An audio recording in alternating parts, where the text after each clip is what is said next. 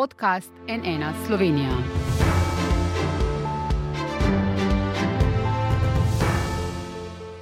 Dobr dan, to je NN studio. Malo kateri zakon je tako vznemiril javnost kot zakon o nalezljivih boleznih.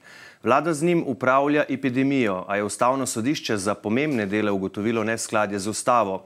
Po prvem resnem sporu v novi koaliciji so besedilo, ki ga je v sodelovanju s pravno in epidemiološko stroko pripravila pravna mreža za varstvo demokracije, naposled uložili koalicijski poslanci, a brez vseh podpisov. Največ pomislekov imajo v socialnih demokratih. Vmes so se pojavile tudi lažne informacije v zvezi z vsebino zakona, ki ga bo državni zbor obravnaval po skrajšanem postopku brez javne razprave. V studiu pa zdaj pozdravljam Katarino Brvar Strnac, pravno-informacijskega centra nevladnih organizacij. Pomagali ste pri pripravi tega besedila. Dobr dan, dobrodošli. Pozdravljeni, ja, hvala. To, kar je bilo zdaj uloženo, je nekoliko spremenjena različica zakona, ki ste ga pripravili vi. Kaj torej zdaj določa ta zadnja verzija, katere so glavne rešitve, če morda mhm. spomniva, enkrat smo že v tem studiu vsebino predstavili, mhm. zdaj vendarle morda čas, da spomnimo na to. Torej, vsebina sedaj vloženega zakona v bistvenem ostaja enaka, prišlo je do nekaj sprememb. V osnovi pa ta predlog še vedno sledi trem ustavnim odločbam ustavnega sodišča In sicer um, prva ta ustavna odločba je bila, um, ko se je v bistvu ugotovilo, da je del um, 39. člena zakona o nalezljivih boleznih v neskladju z ustavo, ker vladi daje prevelika pooblastila za sprejemanje ukrepov, ki pa posegajo seveda tudi v človekove pravice in temeljne svoboščine.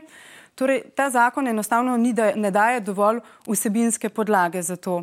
Potem je bila druga ustavna odločba, ki se je nanašala na prepoved shodov. S tisto odločbo je sodišče um, povedalo, da gre za tako pomembno ustavno pravico, da enostavno ni mogoče v celoti prepovedati ali pa omejiti shodov. In potem je bila še zadnja ustavna odločba glede gospo, uh, svobodne gospodarske pobude in svobode dela, kjer je enako ugotovilo, da je šlo do prekomernega posega v to pravico. Zdaj, katere so bistvene razlike v primerjavi z obstoječim zakonom, ne tistim, za katerega je ustavno sodišče določilo, da ga je treba popraviti v dveh mesecih, uh mhm. -huh. večkrat uh mhm. -huh. je dalo to navodilo državnemu zboru, pa ni bilo nič. Ne? In po tem zakonu je v bistvu prejšnja vlada sprejemala odloke, ki so bili potem posledično neustavni. Torej, drugače je zdaj, da odlok ni več odlok, ampak je uredba. Je. Zakaj je bilo to pomembno je tako bistvena razlika v imenu? Um, gre za to, da smo v enem s tem predlogom predlagali, da se črtajo kazni za kršitve teh ukrepov, uh mhm. -huh. ker so namreč uh, ukrepi um, niso. Točno, konkretno določeni, odločeni so potem z uredbo, in samo z uredbo se lahko potem predpišejo tudi naprimer, sankcije za kršitev takšnega ukrepa. Zato je šlo v bistvu v uredbo. Uredba ima tudi moč zakona, in zato smo se odločili za takšno verzijo. Uh mhm. Eh, prav danes so prišle pripombe zakonodajno-pravne službe državnega zbora, ki ste jih, pa ne samo vi, tudi poslanci, nestrpno čakali. Teh pripomb je za 22 strani, eh, seveda v teh dveh urah, odkar so bile objavljene, ne vi, ne jaz, nisem mogla nekako tega preučiti. Jaz sem samo malo preletel na hitro, zdaj v glavnem, če strnem predlog odločb ustavnega sodišča ne upošteva v zadostni meri. To so napisali in pa opozarjajo na kar nekaj stvari, tudi na skladnost z načelom delitve oblasti. Ja, torej, mi smo izhajali iz nekaterih odločb postavnih, tako kot sem povedala. Um, sicer smo pa v ta predlog unesli um, nova varovala in morda nove rešitve, med katerimi je tako stopnjevitost ukrepov, ustanovitev strokovne skupine, uh, ki pripravlja um, mnenje za seveda sprejem vladnih uredb. Vse te obrazložitve bi morale biti objavljene v, po našem predlogu in pa potem parlamentarni nadzor. Kar se tiče tega parlamentarnega nadzora, um, pa smo izhajali iz ustavne odločbe, ki pravi, da bi, moral, eh, da bi moral imeti državni zbor vsaj v, um, v delu, se, kjer se proces začne, se pravi seznanitve s temi ukrepi, svojo vlogo. Um, zato smo to ustavno odločbo razumeli, kot da je treba seveda to vlogo še nadgraditi in zato smo vnesli tudi ta parlamentarni nadzor. Uh. -huh. Ampak eh, je pa vmes prišlo do spremembe. Naj, v prvotnem uh. -huh predlogu ste zapisali, da v bistvu soglasje za podaljšanje ukrepov prek 30, 60 oziroma 90 uh -huh. dni daje pristojni odbor za zdravstvo, potem pa po koalicijskem nesoglasju in usklajevanju na koncu ste dali to na celoten državni zbor. Drži. Tako je. Zakon, kot je sedaj uložen, je v bistvu to spremembo vnesel. Kar se nas tiče, mi smo predlagali odbor za to, da bi bilo to bolj rativno, mhm. operativno, hitreje. Namreč tudi sestava odbora v manjšem v bistvu odslikava razmerja v plenarnem delu in ker ponavadi v takšnih situacijah je potrebno predvsej hitro ukrepanje, se nam je zdelo to bolj smiselno. Seveda pa to ne spremeni zdaj samega varovala kot takšnega. Tukaj državni zbor še vedno ohranja svojo vlogo. Tu je morda pomislek, da tu gre za ukrepe, ki jih je treba spremati zelo hitro, uh -huh. učinkovito, ne, če se predstanje zelo hitro poslabša in tu potem ostaja ta skrb, da če mora iti zdaj to potem še v državni zbor, da lahko zaradi tega pač nastane nek zamik in morda lahko odloča kak dan. Um, torej, vendarle vlada ima z uredbami, ki jih sprejema, uh, približno 30 dni, bomo rekli, tega uh, bjanko uh, časa, um, za to, da se v bistvu tudi uredbe vmes uh, dopolnjujejo ali spreminjajo. In šele po 30 dneh od veljavnosti nekega ukrepa, um, seveda potem pride ta parlamentarni nadzor. Vendar v tistih 30 dneh se to mora zgoditi, potem v 60 in nadalje 90. Uh -huh. Kako gledate uh, na to, na eni strani za 22 strani pripomb zakonodajno-pravne službe, kar veliko jih je, na drugi strani pa pač kupica iz velikih strokovnjakov, če naštejem samo nekatere, ki so um, torej pomagali pri sestavi tega besedila, samo Brdudski, Alenka Šelih, Katja Filipčič, Rajko Pirnat, Polonca Kovač, eh, Jirca Škerl Kramberger, tudi epidemiolog prvi v državi Marijo Fafangel, Metka Paragi. Skratka, eh, stroka je bila vključena, na drugi strani pa cel kup eh, pomislekov zaenkrat zakonodajno-pravne službe v parlamentu. Tako kot smo se prvič srečevali s situacijo, ki je prenesla epidemija, tako je na drugi strani to seveda prineslo tudi potrebo po drugačnih rešitvah, kar smo vsi videli in nekako okusili. Um, in seveda ta parlamentarni nadzor je nova rešitev, ni edinstvena, v evropskem prostoru je znana, um, zato se nam je zdelo, ker pomembno, da jo vnesemo. Namreč um, prvo, prvo, prvi cilj, ki smo ga imeli, je bilo vzpostaviti čim več varoval, da bi človekove pravice in temeljne svoboščine kljub takšni epidemiji in kljub ukrepom vendarle bile varovane.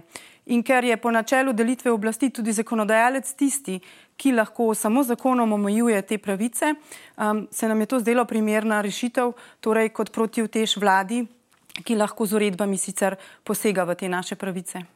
Ampak če je prejšnja oziroma zdaj uh, veljavna različica zakona o nalezljivih boleznih vladi omogočala, da je na vrat na nos, ne vem, uh, predpisala policijsko uro, zaprtje v občine, regije, uh, maske v šolah, vse te stvari, ali vse te stvari, vse te možnosti vladi daje tudi ta uh, novi zakon. Ta novi zakon predvsej omejuje v bistvu možnosti vlade, da bi uvajala tako represivne ukrepe, predvsem pa ne brez državnega nadzora. Uh -huh. uh, predlog uvaja tudi stopnjevitost ukrepov, Torej, um, uh, ukrepi se začnejo z manjšimi, manj invazivnimi posegi naprimer? v pravice posameznikov. Ne, to bi šlo lahko naprimer, za razkuževanje rok, za mhm. držanje distance. Um, seveda, bolj ko je epidemija v porastu, uh, temu morajo slediti ukrepi. Mhm. In bolj ko so ukrepi intenzivni, večji mora biti na drugi strani nadzor.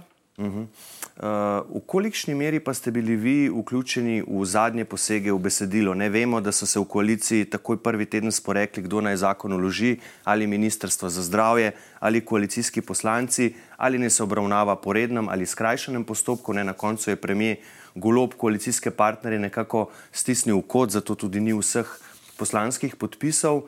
Uh, in so bile, kot sem že tudi na začetku rekel, neke Eh, manjše spremembe še na koncu. Je bilo še kaj drugega morda dodano poleg tega, kar smo že omenili, kar se tiče nadzora državnega zbora? Um, bilo je nekaj manjših sprememb, um, morda to, da je bila dodana, vre, uh, dodana obveznost tudi drugih uh, zdravstvenih institucij, kot je UKC in medicinska uh mhm. -huh. fakulteta, da posredujejo podatke.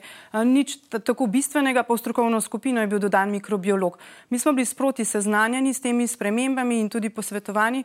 Uh, moram pa reči, da sem vesela, da gre za skrajšani postopek, namreč javna predstavitev mnen je že bila upravljena žal slabo obiskana, vendar moramo povedati, to je čas in prostor, kjer se lahko predstavijo različna mnenja, strokovna, kjer lahko javnost predstavi svoja mnenja. Slišali smo jih nekaj, žal pa mnogo, ne, mnogo premalo strani poslancev takrat. Ampak to je bila javna predstavitev mnen, ne pa javna razprava. Ne? Tako je, je tako je. Um, Se je... mi zdi smiselno, da bi pač morda dejansko tudi razpravljali dejansko v okviru prave javne razprave o tako pomembni, občutljivi materiji. Um, se, bi, se strinjam, um, vendar moramo vedeti, da je ustavno sodišče dalo dvomesečni rok, uh -huh. zato vmes se ni nič zgodilo, tudi javna razprava ne. Epidemija se je nadaljevala in kot kaže, se nam lahko jeseni ponovi. Uh -huh. Zato tudi mi se strinjamo, da je bistveno, da so ustrezne pravne podlage sprejete čim prej. Zdaj, vsakič, ko je državni zbor odločal o zakonu o nalezljivih boleznih, tudi v tistem, ki ga je pripravila prejšnja koalicija, pa ga potem sama Eh, zrušila, se je zganil del civilne družbe. Poslancem so pošiljali na tisoče sporočil, eh, da naj zakon zavrnejo, pred poslopjem parlamenta so jih pričakali, izmerjali, pljuvali, skratka, zelo agresivni so bili eh, do njih. No, zdaj se pa še za povrh širijo lažne informacije o tem, da zakon prinaša obvezno cepljenje.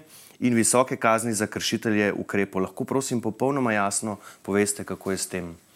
Um, torej, predlog zakona in vsakdo, ki ga je prebral sam, uh, bo razumel, se ne dotika obveznega cepljenja. Zakon o nalezljivih boleznih cepljenje obravnava v drugem delu in tudi naš predlog v ničemer se ne nanaša na to. Um, prav tako ne uvajamo novih kazni za protestnike, prav nasprotno, um, mi smo tiste drakonske kazni, ki jih je uvedla prejšnja vlada, predlagali, da gredo v črtanje. Um, torej, žal se pojavlja ogromno neresnic in napačnih komentarjev in interpretacij te, tega zakona. Um, vendar je seveda dožnost vsakega posameznika, da takšen predlog najprej prebere, preden ga komentira. No, ampak notri pa vendarle piše, ne, če dovolite, da vlada pa dejansko lahko sama predpiše sankcije za kršitve. Torej, zdaj torej... se daje v bistvu vladi vso možnost, da sama predpiše pač globe, kazni, kakršne želi. Ne, um, ne čisto tako, namreč imamo sistemski zakon na področju prekrškov, uh -huh. uh, ki seveda daje jasne omejitve in razpone, v katerih so kazni lahko predpisane. Kar pomeni? Da ni potrebe, da je v zakonu o nalezljivih boleznih to posebej opredeljeno. Aha, ampak ne moremo pa zdaj, po tem, kar je trenutno predlagano, sklepati, kakšne bi bile potem globe za morebitne kršitve ali lahko o nekem okviru govoriva. Um, torej, um, za vsako, za, vsak, um, za vsako kršitev ukrepa mora biti seveda um, približno znano, kakšna je lahko sankcija. Ker pa zdaj v tem trenutku ne vemo, kakšne ukrepe bi vlada sprejela, je, je najbolj logična rešitev, da za uredbo, ko se ukrep sprejme, se predpiše tudi primerna sankcija za kršitev tega konkretnega ukrepa. Uh mhm. -huh pa tudi nad tem uh, morda bdi recimo strokovna skupina, kot bdi nad samimi ukrepi, ali je to popolnoma uh, odvisno od vlade, da sama določi kaj in kako v okviru tega, ja. kar ste rekli. Ne? Strokovna skupina se ukvarja predvsem z ukrepi kot takšnimi, z njihovo potrebnostjo, smiselnostjo, trajanjem, dosegom um, in stvarmi, ki se v bistvu tičejo same izvedbe ukrepov. Um, kako pa vlada sankcionira potem kršitve teh ukrepov, je pa seveda na vladi torej vendarle govorimo o izvršilni veji oblasti, ki ima tudi določeno odgovornost, če tudi smo imeli slabe izkušnje v zadnjem času. Vendarle sistem kot takšen, sem povedala, imamo tudi zakon o prekrških, ki daje zelo dobre usmeritve, kako naj se to uredi. Mhm. Ko ste že omenili strokovno skupino, ne veliko krat je bilo pač v zadnjih dveh letih, smo se pogovarjali o tem, ja, pa so predlagali eno, vlada je pa pač storila nekaj, nekaj drugega in to se, je, to se je večkrat zgodilo. Kako bo zdaj s, eh, s tem? Eh, tu ste, če sem prav videl, nekako povečali transparentnost, da morajo biti mnenja, stališča strokovne skupine javno objavljena v uradnem listu, vlada pa mora posebej obrazložiti, če uh, kakšnega dela ni upoštevala. Ne? Tako je, videli smo ta razhajanja med mnenjem stroke in uh, politike. Zato se nam je zdelo pomembno, da so ljudje seznanjeni s stališči stroke. Um, mislim, da tudi v primerih, ko je to sprejeto stališče, so ti ukrepi potem tudi bolje spoštovani, bolje implementirani in ni potrebe, naprimer, potem tudi po sankcioniranju. Enostavno ljudje um, želijo vedeti, zakaj do kakšnih omejitev prihaja in mislimo, da je to za um, stanje v takšnem trenutku izjemno pomembno. -huh. uh, za konec, ministr za zdravje Daniel Bešič Loredan za jesen napoveduje povsem nov zakon o nalezljivih boleznih. Menite, da je sploh potreben ali da že vaše besedilo uh, ureja to pomembno področje tako, kot ga mora in da pač novega, čisto novega zakona ne potrebujemo? Naš predlog odgovarja samo na zadnje odločitev ustavnega sodišča. Kot pa vemo, obstaja več potreb po spremembi tega zakona, tako da verjetno to najbolje ve tudi Nacionalni inštitut za javno zdravje. In kot razumem, obstaja potreba potem po prenovitvi tudi ostalih delov. Mhm.